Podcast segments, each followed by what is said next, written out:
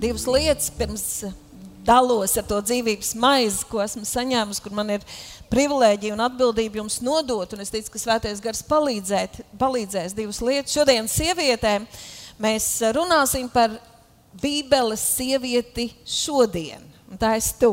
Vairāk sievietes dalīsies.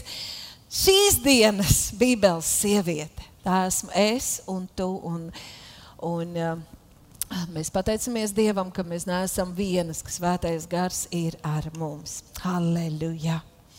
Un vēl tāds, tāda, tāda, tāds lūgums no Jēzus sirds. Mīļie, nepametīsim, nepamet tos cilvēkus, kas caur tavu liecināšanu, caur tavu aicinājumu, kaut kad, it sevišķi pēdējā gada, pēdējo mēnešu, pēdējo gadu laikā, ir pieņēmuši Jēzu. Un varbūt pat kādu laiku nākuši, un varbūt pat beiguši Bībeles skolu. Ja viņi pat tevi uz kādu, uzreiz kā pēc kāda laika atraida, vai kaut ko nesaprata, vai kaut kas nepatika, vai es gribu teikt, visa elle atraisās, lai dabūtu atpakaļ kādu, kas ir izrauts no nāves. Bet tas cilvēks pieder debesīm, un lai ko vēlns muhļītu, Tava rūpe, tava mīlestība, tava aizlūgšana, tava neatlaidība ir ļoti vajadzīga. Tas nav tikai piedabūt cilvēku līdz tam, lai viņš noskaita, pasakā, Jēzus ir mans kungs, un tad viņu pamest. Kas notiktu, ja māte pamest savu bērnu tikko piedzemdējusi un vienreiz pabarojusi? Tas bērns dabiski nomirtu. Tik daudz neskaidrību, tik daudz jautājumu, vienkārši draudzība un rūpe. Lūdzu, lūdzu. Ja tev cienīgais svētais gars par laiciņam lūkšana atgādina kādu sēņu, un it sevišķi, ja tas bija kaut kā saistīts tas cilvēks ar tevi, draugs, darba biedrs, rāds, lūdzu nepamet viņu, ka viņš tepat pie altāra tā arī var nomirt, nedabūjis ēst pienācīgi, nedabūjis uh, Dievu klātbūtnes ar to, ka viņš vēl neprot lūgt, neprot daudz ko. Un tāpēc ir mammas un tēti, un tie esam mēs, lai parūpētos. Aleluja! Bet šis ir vienkārši pasakains laiks mums, draudzēji, un, un tas ir tik superīgi, kad uh, kontaktā ar citiem cilvēkiem no citām valstīm, ar kristiešiem, tas ir tik pārsteidzoši. Un tā ir pēdējo tiešām dienu pazīme, ka svētais gars tik spēcīgi darbojas pār Eiropas valstīm, Amerikā. Uh, Mana māsiņa nu pat bija atbraukusi Eva no Amerikas, kur tur dzīvo jau 17 gadus.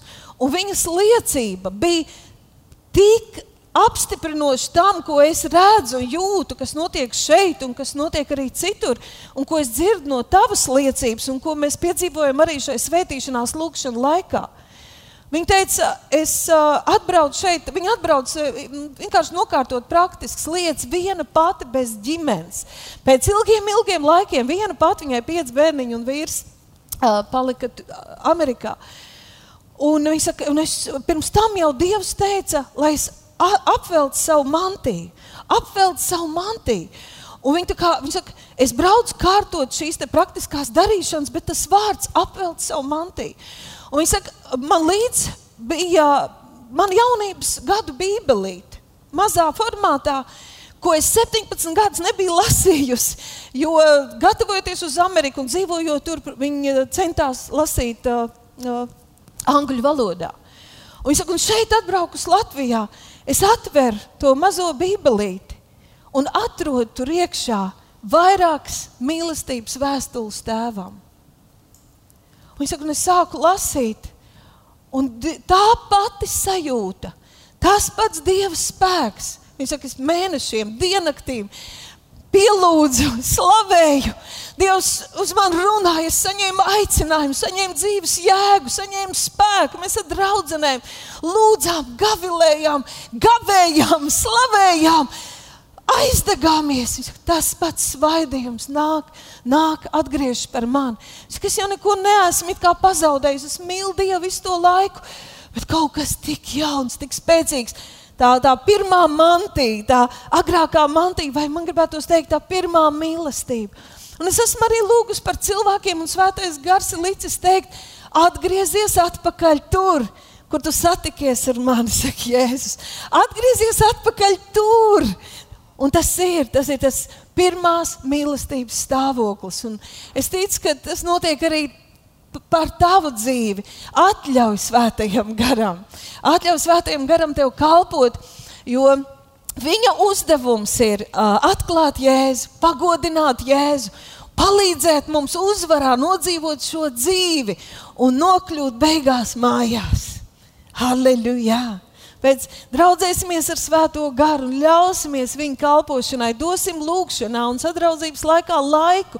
Rēķināsimies, ka mums ir draugs, ka mums ir cienīgais Svētais gars, kurš mums grib palīdzēt.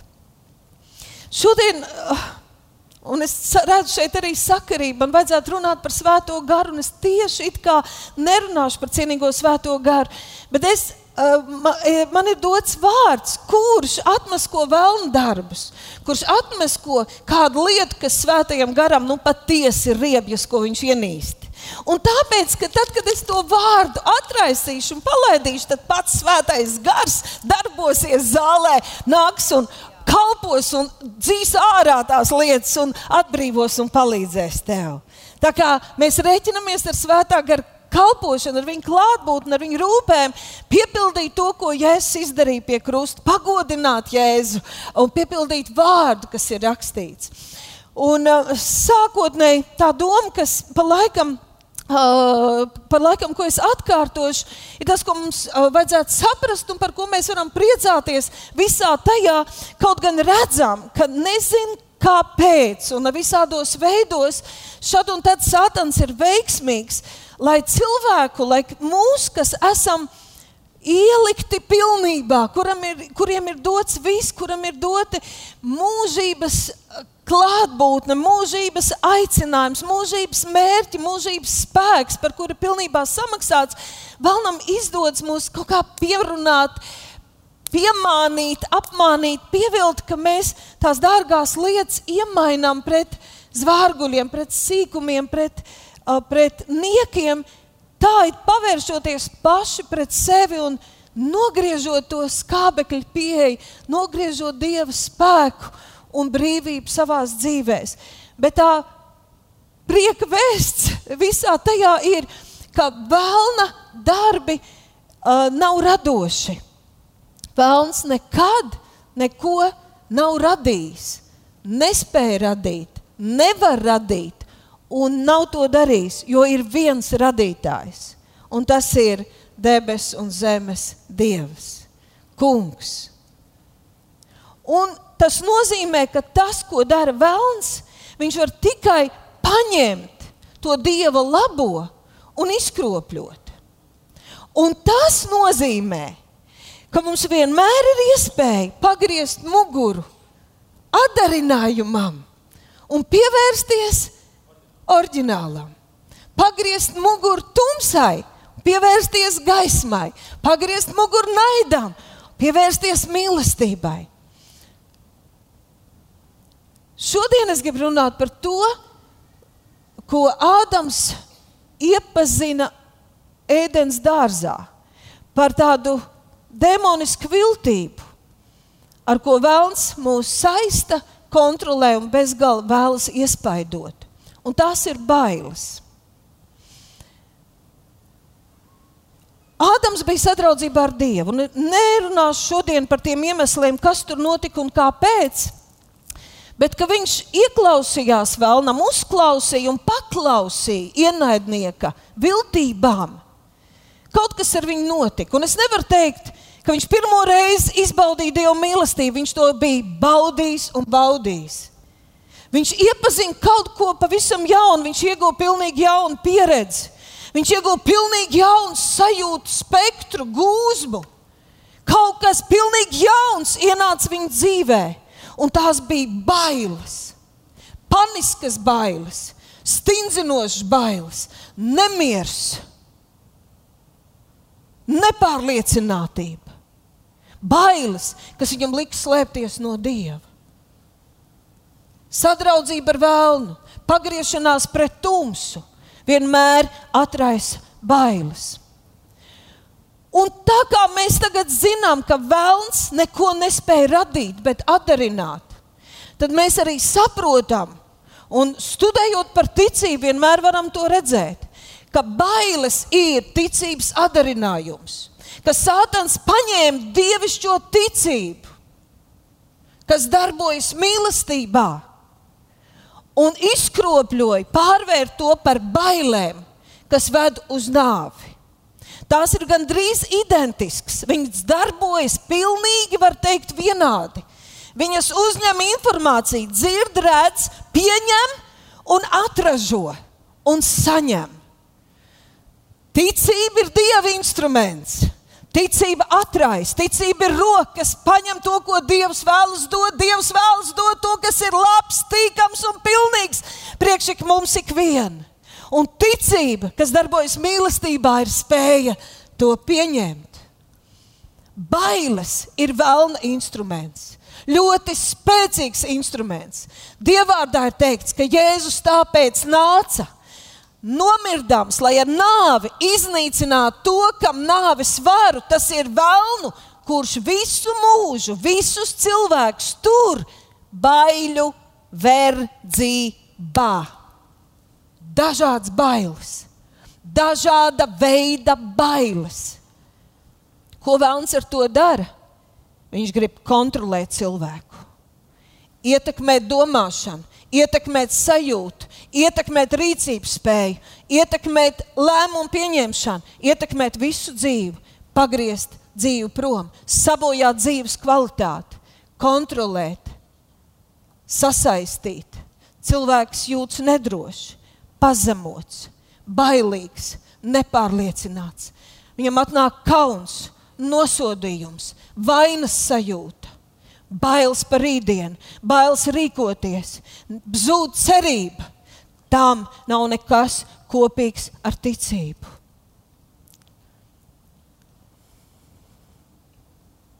Vēlns ar bailēm paralizē un vēlas kontrolēt.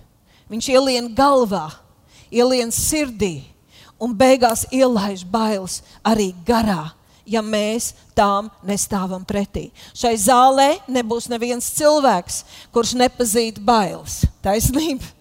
Kurš nebūtu saskāries ar bailēm, vai kurš šobrīd par kaut kādu sfēru nebūtu kaut kāda nedrošība, nepārliecinātība, kaut kāda veida bailes. Varbūt tu esi cilvēks, kurš atpazīst ļoti ātri šīs sajūtas un vienmēr ļoti kategoriski stāv pretī. Bet es pieņemu, ka daudzi vien auklējas ar šīm bailēm, tā kā ļaunām čūskām savā azotē, savā sirdī. Vienkārši cenšas tās ignorēt vai mēģina sadzīvot. Un mēs varētu teikt, ko darīt? Ko darīt ar šīm bailēm? Un te atbilde nebūs. Domā gaišas domas, domā kaut ko labu, smaidi vairāk. Kad mosties no rīta, saki, paldies! Kam paldies? Visumam! esi labestīgs. Tas nepalīdz pret bailēm. Pret bailēm nepalīdz. Būs labi, būs labi. Dievs ir ar mani, būs labi. Gan jau būs labi. Es ienīstu to, gan jau būs labi. Dievārds saka, ka bailes ir gars, ka bailēs ir mokas, bailes moka, bailes verdzina bailes kontrolē, bailes nogriež skābekli. Dievārds saka, bailes moca. Un kurš ir tas mocītājs? Velns. Velns ir tas, kurš moka. Grēks ir tas. Tas ir bailes, ir kopā, vai viņš ir saistīts, vai viņš atraisa visu elles spektru. Slimības, grēki, trūkumi, Un viss ēles spektrs ir sasaistīts ar bailēm. Caur bailēm vēlams var izmainīt raksturu, izmainīt domāšanu, pagriezt, kā mēs rīkojamies, kā mēs uzvedamies. Psihologi nevar palīdzēt pie bailēm, jo Dievārds saka, es jums nesmu devis baiļu garu. Es jums neesmu devis baiļu garu. Ir viens, ka tu ej pa tumsu vai, vai ej pa gaismu, pēkšņi ieraugi zirnekli, oh! un tev iziet tāds bailju trīsīns caur ķermeni. Es nerunāju par tādām bailēm.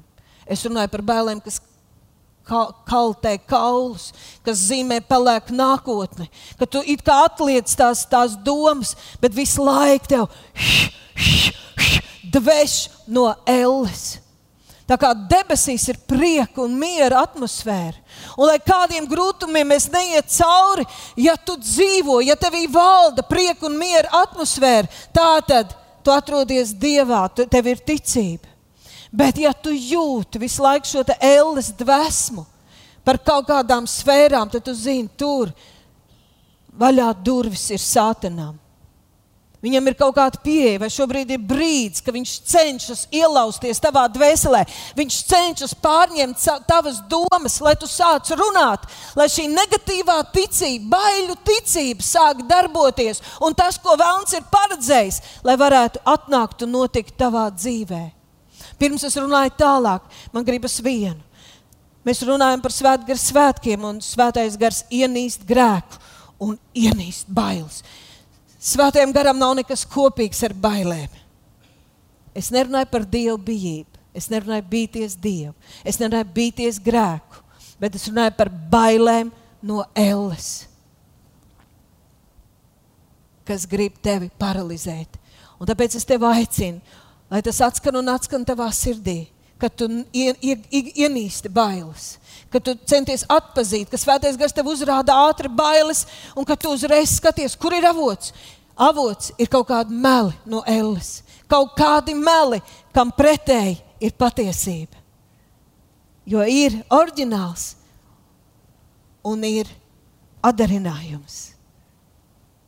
Un no dieva Dievs saka, es jums nesmu devis baiļu garu.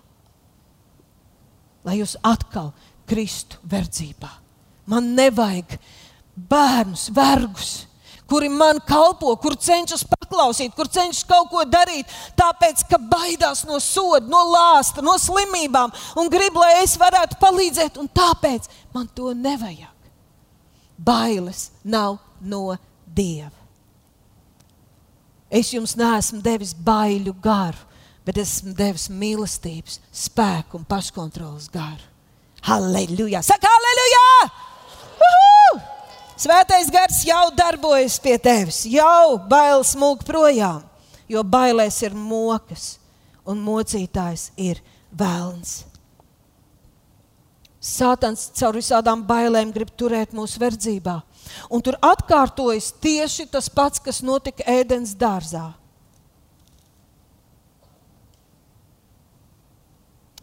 Ko darīt? Prieka vēsts ir tāda, ebrejiem 2,14. Tā kā bērniem ir asins un miesa, tad viņš tāpat to pieņēmis, lai ar nāvi iznīcinātu to, kam nāves vara, un atsvabinātu. Kas notika ēdienas dārzā, ir rakstīts, Ādams skaidro dievam, mani pārņēma bailes. Bailes pārņem aizvien vairāk, viņas saka, sastindzina.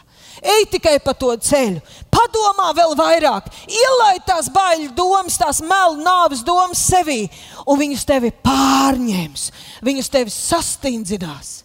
Ādams teica Dievam, viņš jau neteica, kad es sagrēkoju, bet kaut kas ar mani notika, mani pārņēma bailes. Un šeit ir Dievvvārdā teikts, atnāca Jēzus, lai atsvabinātu. Saki, atsvabinātu, atsvabinātu, atsvabinātu.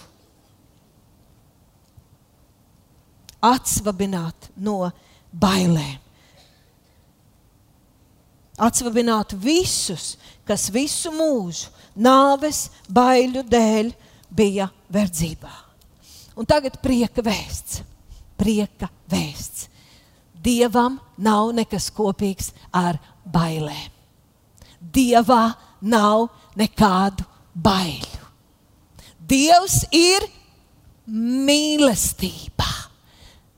Tas nozīmē, un tā stāv rakstīts, ka mīlestībā nav baiļu. Bailēs ir mokas, bet pilnīga mīlestība, ko izdara, aizdzen bailes. Pilnīga mīlestība, kaut kas pretējs bailēm. Kad nāk mīlestība, tā aizdzen bailes. Tas, kurš baiļojas, nav sasniedzis pilnību mīlestībā. Nav iepazinis mīlestību, nav uzzinājis patiesību. Tāpēc atļauj meliem dzīvot savā sirdī, savā dzīvēm. Romiešiem 8,15 ir teikts, jūs nesat saņēmuši verdzības garu, lai atkal Kristu bailēs. Prieka vēsts ir tāda: Dievs ir mīlestība, mīlestībā nav baiļu. Tu esi dzimis no Dieva. Tu esi dzimis no mīlestības. Dieva mīlestība ir izlieta tavā sirdī. Tu arī esi aicināts dzīvot brīvs no bailēm.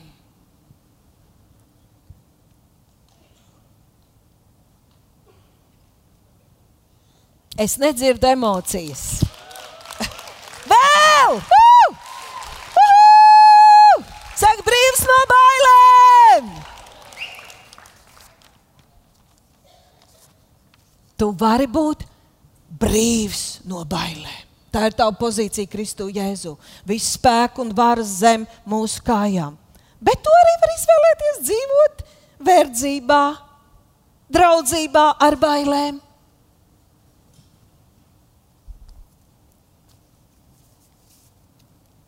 Dievam nav nekas kopējs ar bailēm. Un ievēro vienmēr, ka viņš uzrunā cilvēku, kad eņģelis atnāk, ka kaut kādas situācijas notiek. Kad Jēzus kalpo cilvēkiem, viņš viņu vienmēr apsauc bailes. Nebīsties! Nebīsties! Jo bailēm tas ir pilnīgi pretpoli. Identisks, bet ar pilnīgi pretēju rezultātu.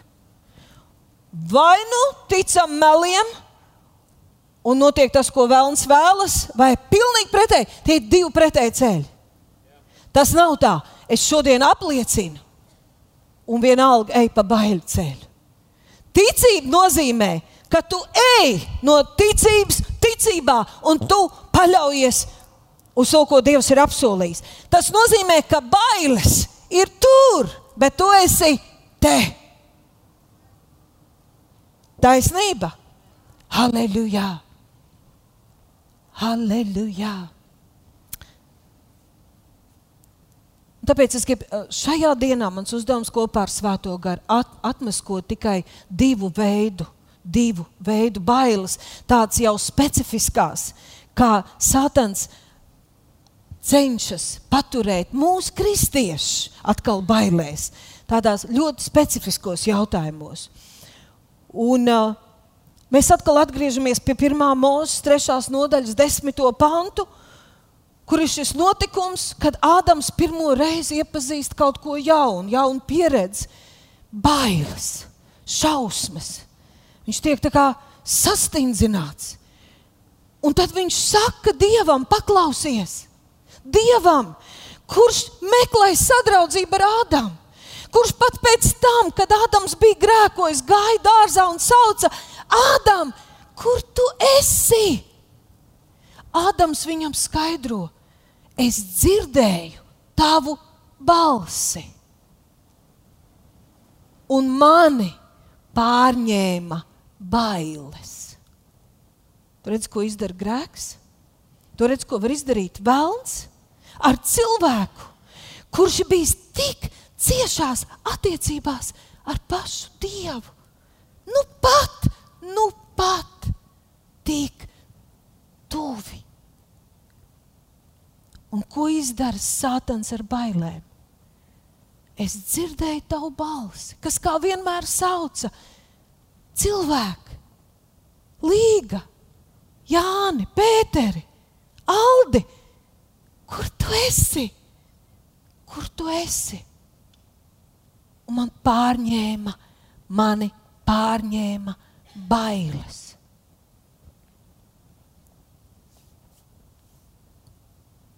Cik pie mums katra sātanam nākas piestrādāt ar saviem sīkajiem mazajiem demoneļiem, ar visādām viltībām, ar visādām glumām, lišķībām, kārībiņām, lai mūs piedabūtu pie tā, ka mēs topam pieviltu, mums atnāk sajūta, ka ticēt Dievam, ka būt sadraudzībā ar Dievu, ka lasīt vārdu, ka uzticēties vārdam, ka runāt vārdu, ko saka vārd, vārds, ka tas ir tik grūti, smagi, ka tas ir kaut kas tāds, kaut kas ārpus manas komforta zonas.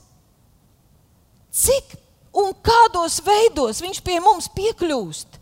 Ja nodefinējot vai nē, ir kristieši, kuriem rodas sajūta, ka Dievs savilcis dūrē roku krata un saka, tev būs mani mīlēt no visas sirds un turēt mani pāri visiem. Un ja nē, kā Sātans to panāk? Pa kādām durtiņām? Ka tai vietā, lai nāktu pie viņa, Mēs kā, slēpjamies, jo uzmanība atkal uz mums. Un mēs taču nesam un nevaram, un mums taču nesanāk. Tas, ko es šodien gribētu pretī likt šīm bailēm, kad tu dzirdi Dieva balsi, Dieva vārdu, kad svētais tevis, gars tevi aicina, lasi vārdu, baudi, runā vārdu, piepildies ar vārdu, nevis ar bailēm. Jo tāpat kā tu piepildies ar bailēm, tu vari piepildīties ar ticību. Ticība izdzīs bailes. Es gribētu, svētais gars, gribētu, lai tu ieraksti savā dvēselē, lai atnāk jauna atklāsmes atziņa, ka Dieva vārds, ka Dieva vārds priekš mums ikviena vienmēr ir glābjoša mīlestības vēsts. Vienmēr tā ir bijis un vienmēr būs. Sākot ar pirmajiem baušļiem, ko Dievs deva cilvēkam, tā bija aizsardzība no nāves. Jo tikai Dievs zina, kā mūs pasargāt no trakā suņa. Tikai Dievs zina, par kuru ceļu ejot, mēs aiziesim dzīvībā, un pa kuru sātans pievils un aizvedīs mūs uz nāvi. Tikai Dievs zina, kā mēs varam būt vislaimīgākie un baudīt dzīvības pārpilnību, un kā mēs nokļūsim zem lāsta un cietīsim un tiksim pievilti. Viņš to zina, tāpēc viņš mums dod savu vārdu. Un jau vecajā derībā, kad Dievs deva bauslību, Viņš uzreiz deva arī apsolījumus. Viņš uzreiz atklāja savu rūpi. Viņš teica, nenogalini, es pats atriepšos, nemelo, es tevi aizstāvēšu. Nezodz, es rūpēšos par tevi. Uzticies man, un tu nekad nebūsi aste, tu būsi galva. Neatmaksā, Es esmu tas, kurš tevi aizstāv un kurš pats tiek galā ar taviem ienaidniekiem. Jau toreiz viņa tauta iepazina Dievu kā mīlošu tēvu. Es negribu parādīt Dievu kā tādu mīkstu ņērgu, piedodiet. Dievs ir prasīgs, Dievs ir bīstams, Dievs ir svēts, Dievs ir tas, kurš tiešām atmaksā un atriebjās. Dievam ir divas puses. Dievs kungs cebots, tā viņš atklājas pret saviem ienaidniekiem. Un Dievs kungs tēvs, mīlestības tēvs, tā viņš atklājas saviem bērniem. Šodien, šobrīd mēs visi vēl dzīvojam žēlastības laikā. Un tomēr, un tomēr ir vārds, ir likumi, ir pavēles, un mēs zinām jauno bausli vai galveno jaunās derības pavēli. Un nebavelti Dievs neteica ieteikums, lūgums, bet pavēle. Kāpēc? Vai tāpēc, ka Dievam gribas apmierināt kaut kādas savas ambīcijas?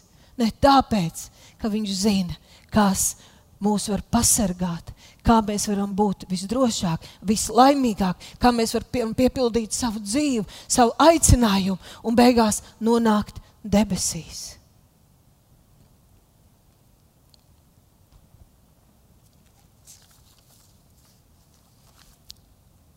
Lūkšana, attiecības ar Dievu, vārds, vārdu celšana godā, vārdu ievērošana, piepildīšana sirdi ar vārdu salīdzināt savu dzīvi ar vārdu, ļaut svētajam garam runāt par vārdu, neatļauj viltīgajam sātanam līst un pagriezt. Kas notika tuksnesī, kā Jēzus tika kārdināts?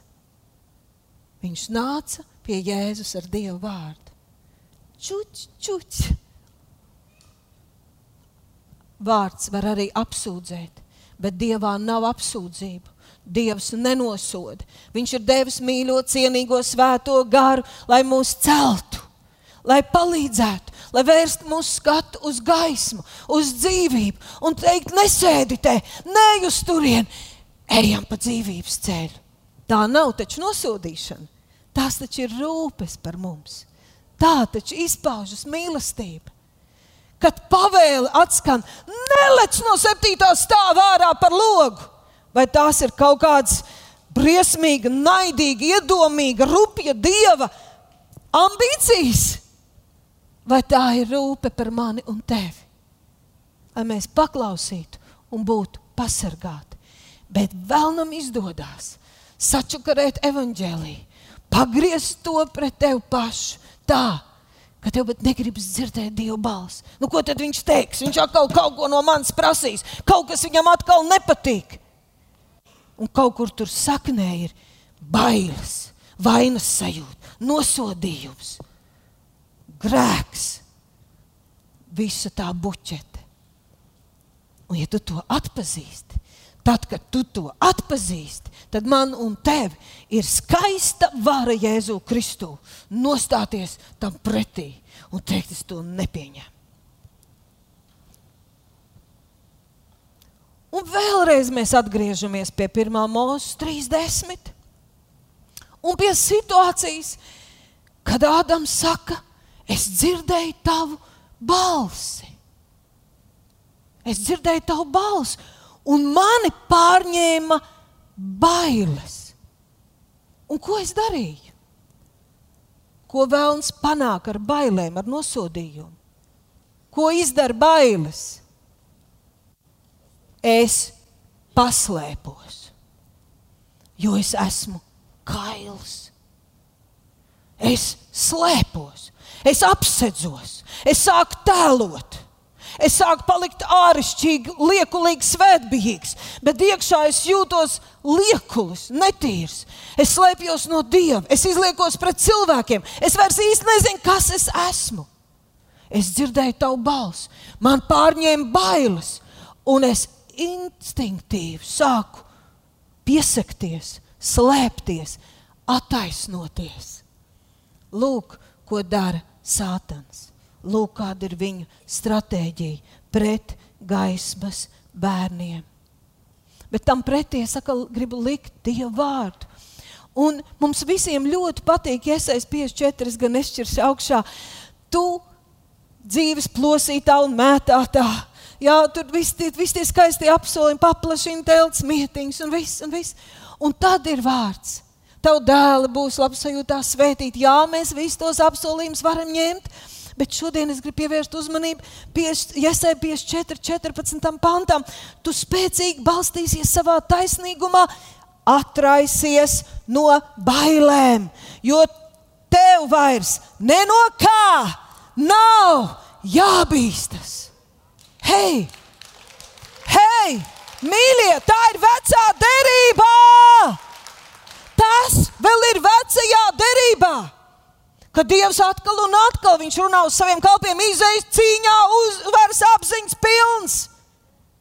Viņi tīko, Dārvids saka, apkārt armijas, kā man uzbrukt, bet es baudu tavu klātbūtni un tavu vārdu, un es izēju cīņā jau pilnīgi zinot, ka es uzvarēšu bez bailēm. Viens, kad veselīte padrep, Viens, kam miesai kādreiz no kaut ko bail. Es runāju par bailēm, kas paralizē un atņem spēju Dieva spēkam plūst caur mums un pagriež mūs prom un izrauj mūs ārā un nogriež mūs no mūsu dzīves Jēzu Kristu.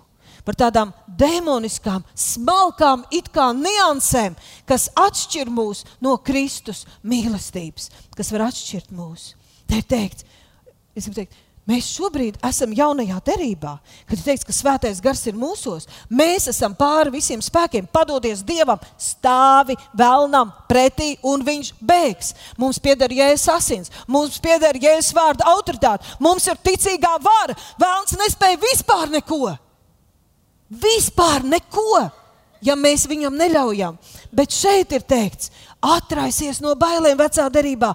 Tev vairs Es atraisu pravietiski. Ne no kā tev vairs nav jābīstās!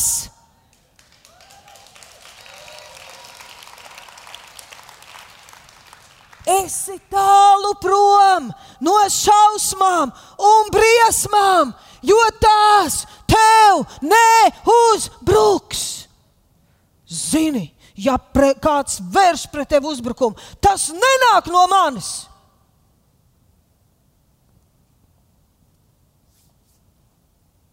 kas saceļas pret tevi, tas kritīs tevis dēļ.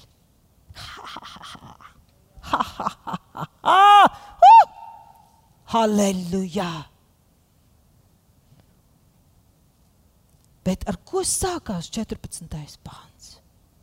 Tu spēcīgi balstīsies savā taisnīgumā. Tāpēc atraisies no bailēm, tāpēc tev nekas nenotiks tu spēcīgi balstīsies savā taisnīgumā. Un tā es domāju, ar ko gan Izraēla tauta tajā laikā un vidē varēja balstīties savā taisnīgumā, ja mēs piekasītos šim vārdam un šiem tulkojumiem. Ar ko? Viņi bija dīvaini tauta. Apkārtējās tautas gan baidījās, gan ienīda viņus. Viņi bija tauta, kas tāpat savā vēsturē un šai brīdī varēja atrast tik daudz nepaklausības, tik daudz pretošanās dievam, tik daudz nespēka. Ar ko, par kādu taisnīgumu runā Dievs? Dievs runā par to taisnīgumu, ko pazina Dāvids, ejot pret Goliātu. Mazs pusaudzis, tikai ar lingu rokā gāja pret vareno Goliātu, no kā nobijās viss kara, kara saime ar visiem ģenerāļiem priekšgalā, jo tur bija atraisīts garīgas bailes. Es nerunāju par to, vai es tiešām mācīšu sist un vai es baidos mirt. Ir garīgas bailes, baiļu gars. Un Dāvids gāja pret Goliātu, balstoties derībā. Viņš bija derībā ar Dievu. Dievs bija ar viņu. Viņš mīlēja Dievu. Un šī mīlestība izdzina bailes. Halleluja!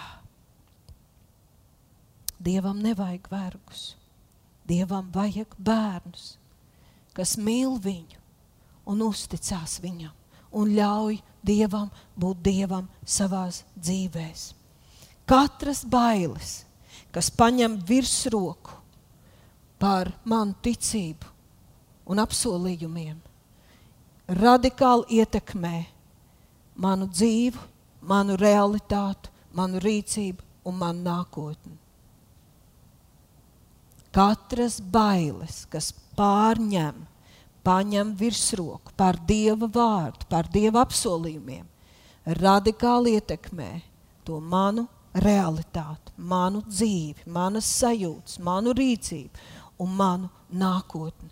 Un es aicinu tevi atpazīt jebkāda veida bailes, ienīst jebkāda veida bailes, izlemt vienmēr stāvēt pretī bailēm.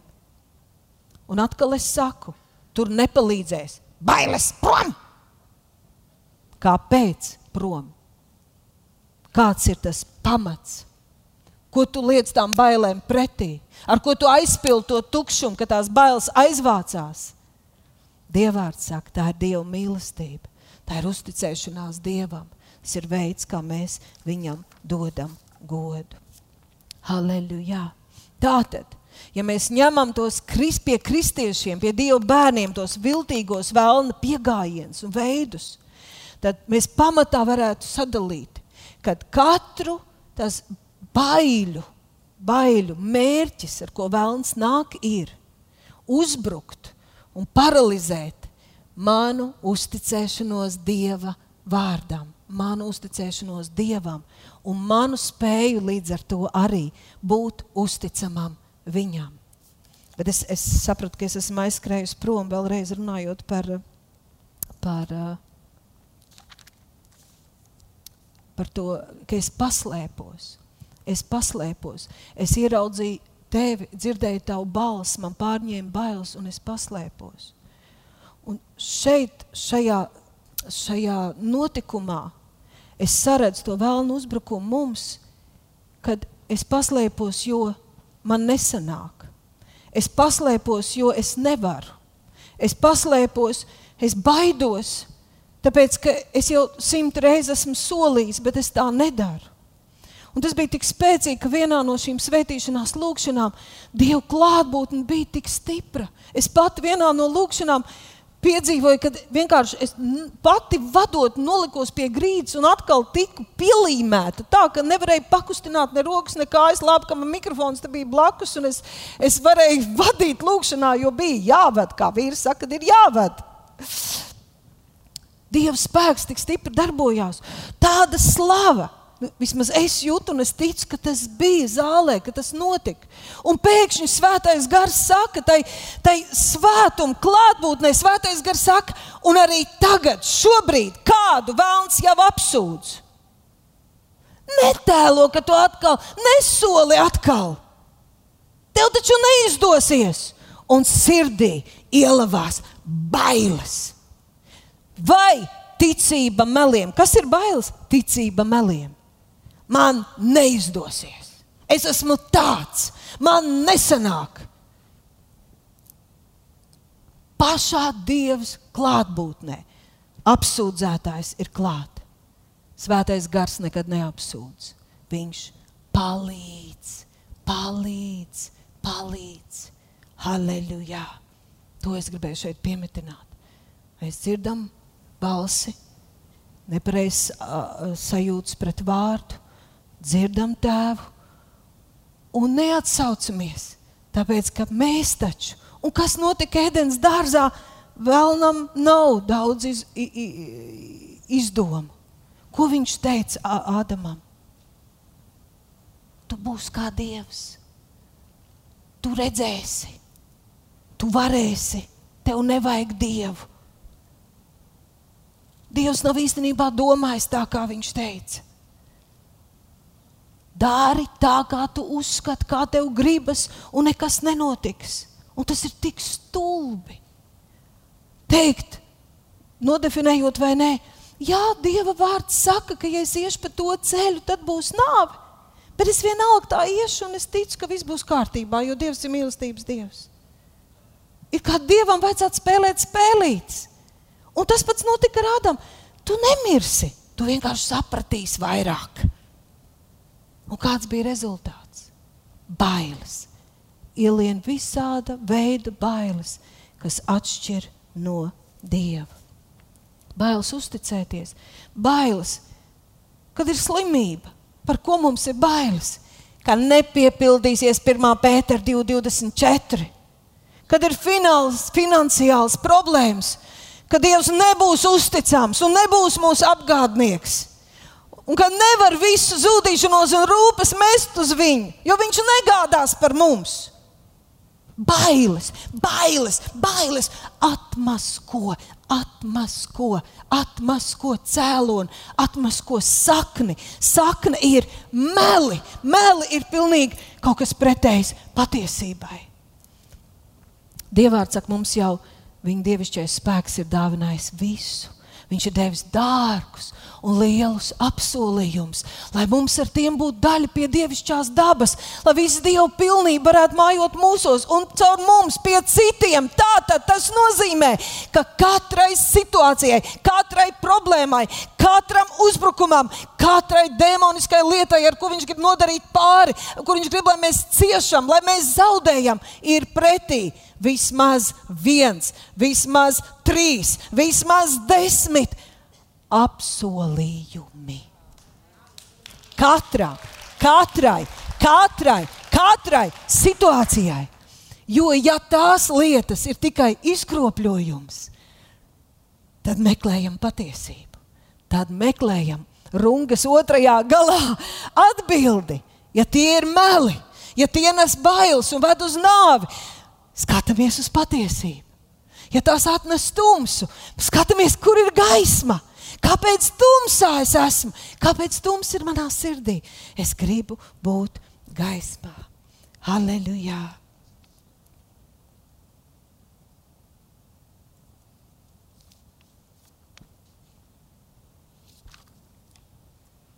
Prieka vēsts ir tāda, ka mīlestībā nav baiļu. Mīlestībā, dievišķā mīlestībā, 1. Jāņa 4, 18. Mīlestībā nav baiļu, bet pilnīga mīlestība, dievišķā mīlestība aizdzen bailes, jo bailes moka. Un tas, kurš baidās, viņam nav problēma ar bailēm bailēm var nostāties pretī, un tas ir kategoriski obligāti jādara. Bailes ir momentāli jāapsauc un jādara skaļi, ja vien tas ir iespējams. Bailes ir jāizdzen ārā. Bet problēma ir, ka jāvirzās ir uz pilnīgu mīlestību. Dzenaties pēc mīlestības. Jā, rūpējamies par garu dāvanām, bet dzenamies pēc mīlestības. Jo ielaižot savā sirdī mīlestību, tā ir uzticība Dievam. Mīlestība vienmēr izdzīs bailes. Un šai sakarā sanitiņa es palūkšu tevi, lai tu izlasi liecību. Viņa pēc tam būs internetā un viņa būs garāka.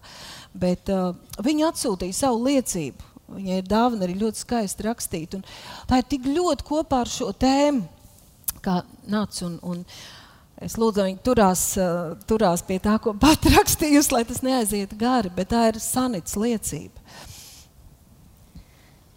Um, viņi ir sadalīti tādos tā mazos virsrakstīņos, un pirmais ir jautājums. Tā bija pavisam parasta svētdiena. Viņa pavilka mani aiz rokas un iečukstēja ausīs: Sanita, vai tu esi laimīga? Es lūkojos viņai acīs un smaidīju, bet mana dvēsele neapmierināti burkšķēja. Kas tas par dīvainu jautājumu? Man šis jautājums nepatīk. Grasījos doties prom, jo viņa manā ceļā bija gadījusies nejauši. Tomēr viņa pieliecās man tuvāk un klusi čukstēja. Tas ir jautājums no tava debesu tēva. Es atkal laipni pasmaidīju, tomēr jūtu, ka manī kaut kas briest. Mana neapmierinātība auga augumā. Šis pavisam parastais, tomēr neērtais jautājums bija atraisījis manī ko negaidītu. Es biju dusmīga. Savā prātā pārcelāja neskaitāmus pretjautājumus. Vai tad nevar redzēt, ka esmu laimīga? Kāpēc tieši šāds jautājums man? Vai manus pieres rakstīts, ka esmu nelaimīga? Ko tas nozīmē būt laimīgai? Vai tad cilvēks vispār var atbildēt uz šo jautājumu? Atzīšanās. Bija saulaina augusta pirmdiena, bet mans svaigs bija drūms. Vakar uzdotais jautājums man nedeva mieru. Tas nodarbināja manu prātu, un es izlēmu, būšu pret sevi godīga. Es apsēdos guļamistabā uz grīdas un centos savas domas izklāstīt debesu tēvam. Es jau vakar dzirdēju, ka šis neērtais jautājums, kurš adresēts tieši man, ir viņa uzdots. Tāpēc, tāpēc es sāku uzskaitīt visu to, kas mani padara par laimīgu cilvēku. Man ir lielisks vīrs, brīnišķīgas meitas, esmu kļuvusi par omi, man ir mājas, ēdiens, es dzīvoju laukos, baudu vasaru, svaigu gaisu, man ir fantastiski draugi, kalpošana, draudzene, brāļi un māsas. Es esmu izglābta. Mans vārds ir rakstīts dzīvības grāmatā. Es cenšos atrast laiku Dieva vārdu lasīšanai un lūkšanai. Es runāju, lai nedzirdētu to, par ko kliedz mana dvēsele. Man bija viss, ko viens cilvēks savā dzīvē var vēlēties. Mans vārdu birums apstājās, asars ritēja par vaigiem, un es klusi viņam čukstēju: Tēt, es neesmu laimīga. Viss labais, kas manā dzīvē ir, ir tik lieliski, bet tas nepadara mani par laimīgu cilvēku. Kas tad ir laime? Tobrīd man nebija atbildes, bet es tik ļoti vēlējos to iegūt. Ceļš.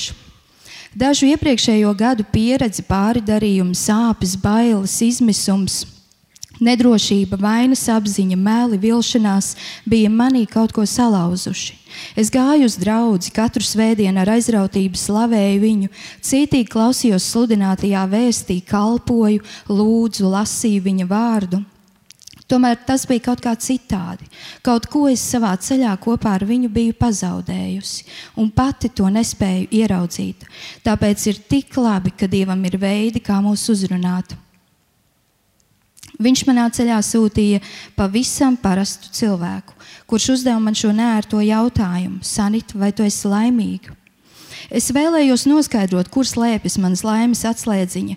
Patiesībā savas sirds dziļumos Man bija nojausma, ka tā ir tepat pavisam tuvu, bet man vajadzēja to satvert. Es vēlējos, ļoti, ļoti ilgojos rast atbildi, un es zināju, ka visas atbildes uz maniem vienkāršajiem un sarežģītajiem, parastajiem un neparastajiem, ērtajiem un nērtajiem jautājumiem ir manam debesu tēvam. Problēma. Tās pašas nedēļas nogalē mani gaidīja divi notikumi - ārsta apmeklējums un sieviešu vasaras nometne.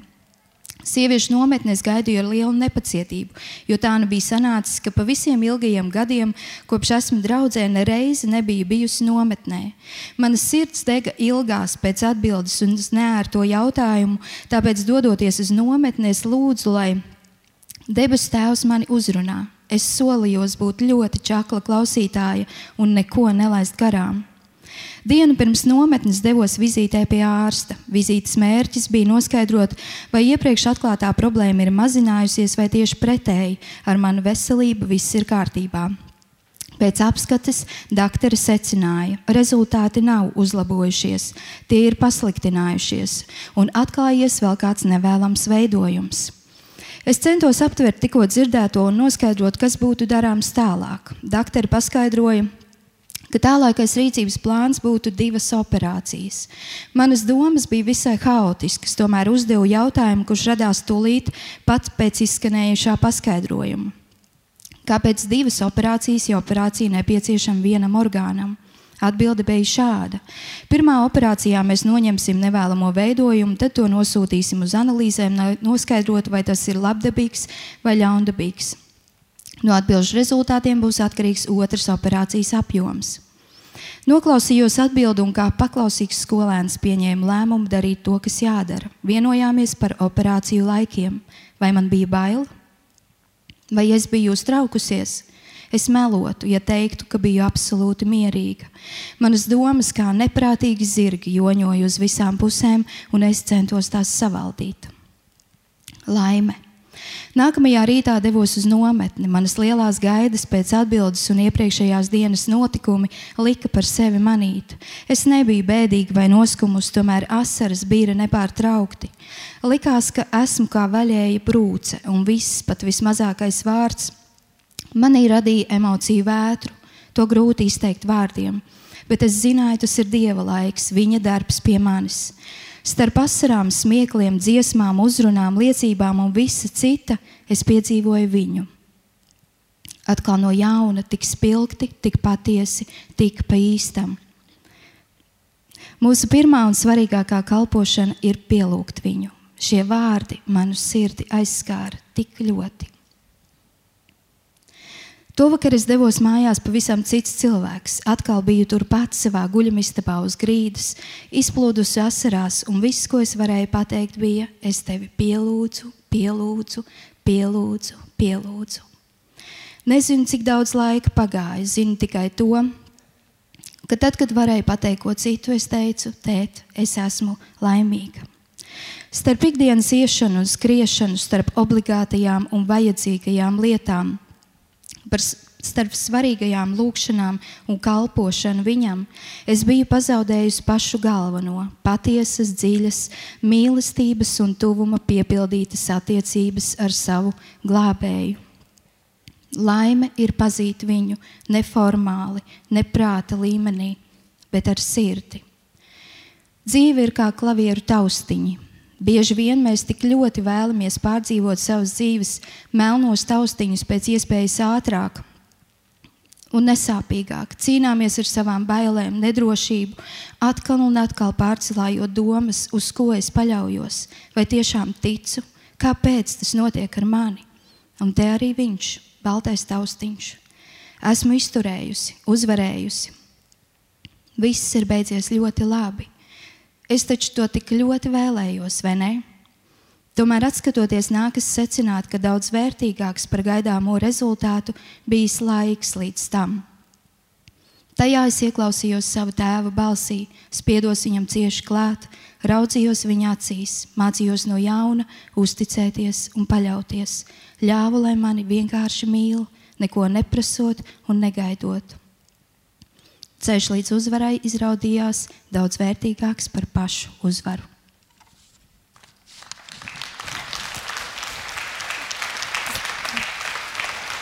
Halleluja, halleluja, halleluja. Slavu Jēzum. Mēs lūkšanā, es domāju, šad un tad sakam Dievam, uh, tu esi mans, man dzīve pieder tev. Kurš to šad tad saka lūkšanā? Mana dzīve pieder tev. Saka, lūdzu, kad uh, tu kādam kaut ko atdod, tu saki, tagad tas pieder tev. Vai ir tā, ka tu pēc tam ej un ņem un lieto atkal to tā, kā tu pats gribi?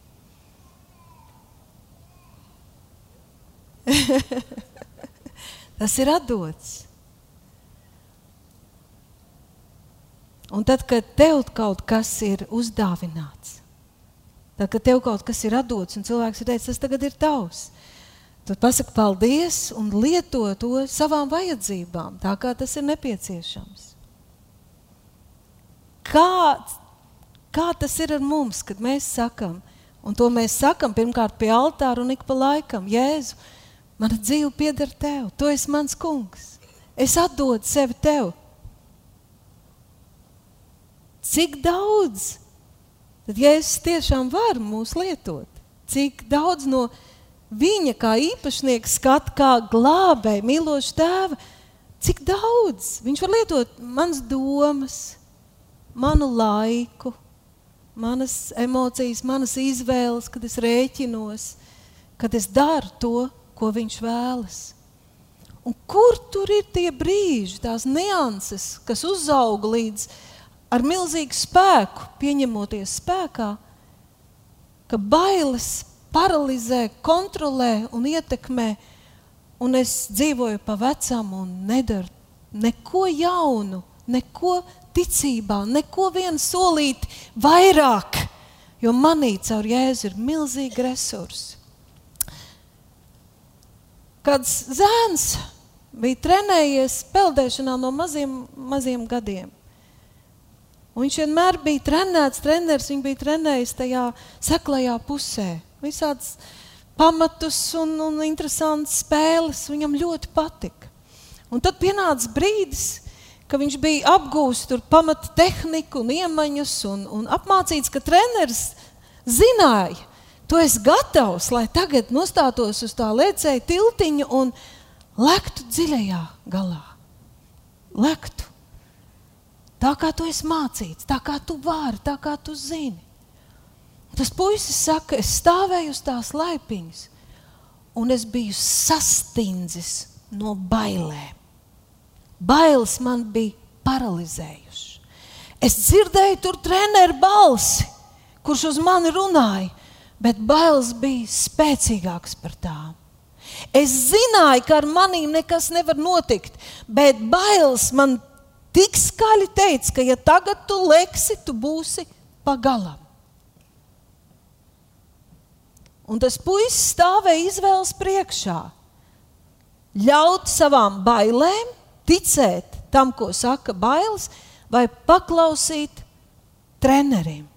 Paklaus, paklausīt treneru balsī, paklausīt viņu uzticībai tam, ko viņš saka tā stāvēšana un tā ķīvēšanās, un paldies Dievam par tādu trenderu, kam bija mērķis palīdzēt, lai nolec, un kurš vienkārši nepiegāja un nenogrūda.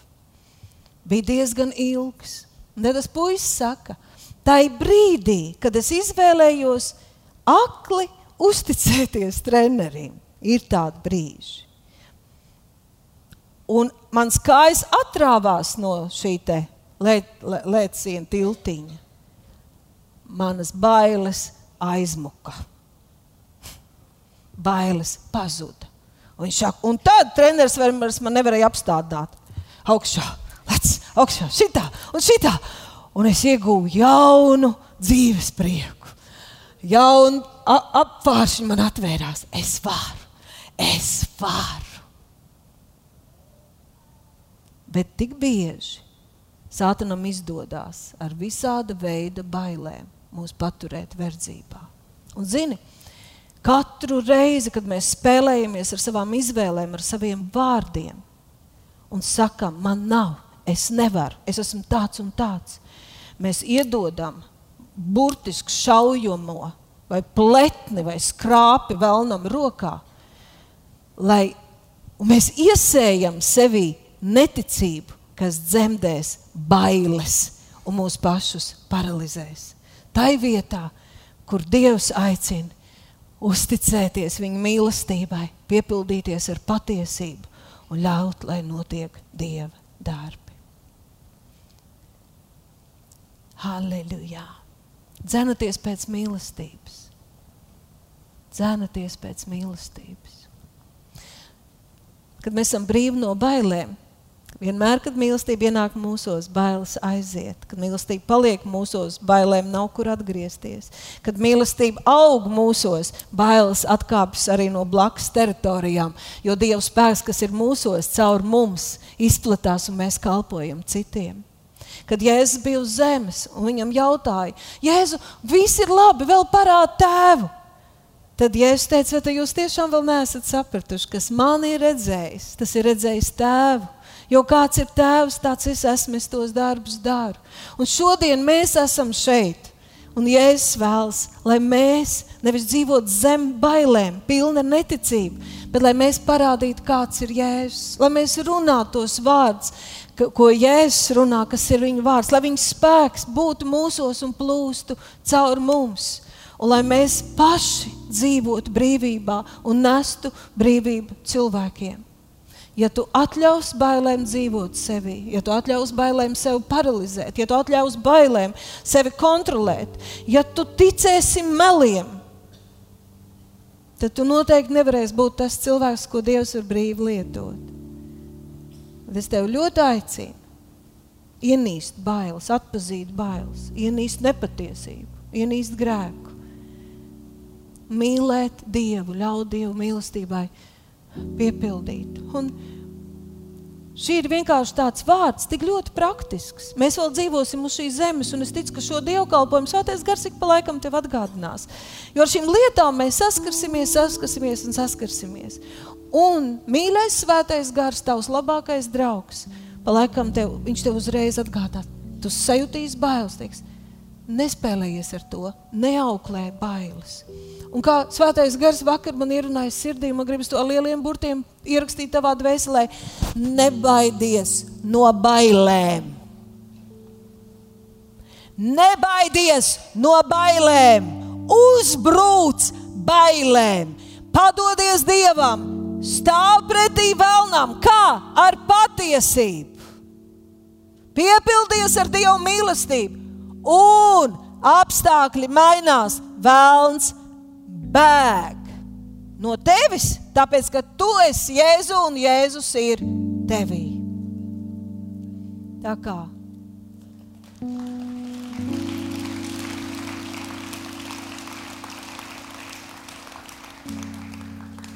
Dievs nav neliels, pelēks, mīksts lācītis, mīlestības dievs.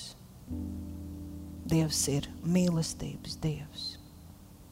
Un tad, kad mēs viņam sevi atdodam, tad tā mīlestība ir, ka mēs tiešām arī sevi atdodam un viņam uzticamies. Tā, kā viņš sevi ir atdevis par mums un uzticas mums. Man patīk, ka izlasiet, būs sociālos tīklos, sanitiņas. Tā bija pārliecība, tā arī nosauks to liecību. Kad uh, debesu tēvs, ka viņa bija devusies uz, uz, uz šo sieviešu nometni, pagājušajā reizē, un es atceros, kā tas vārds atnāca par pielūgšanu. Nebija izvēles, tas bija jārunā. um, un, un pēc tam nākot uz vienu no dievkalpojumiem, kur, kur notika šis dziedināšanas brīnums, viņi, viņi bija gaidījusi, ko īpaši Dievs. Viņi bija prasījis, vai tu manis dēļ varētu izmainīt dievkalpojumu kārtību?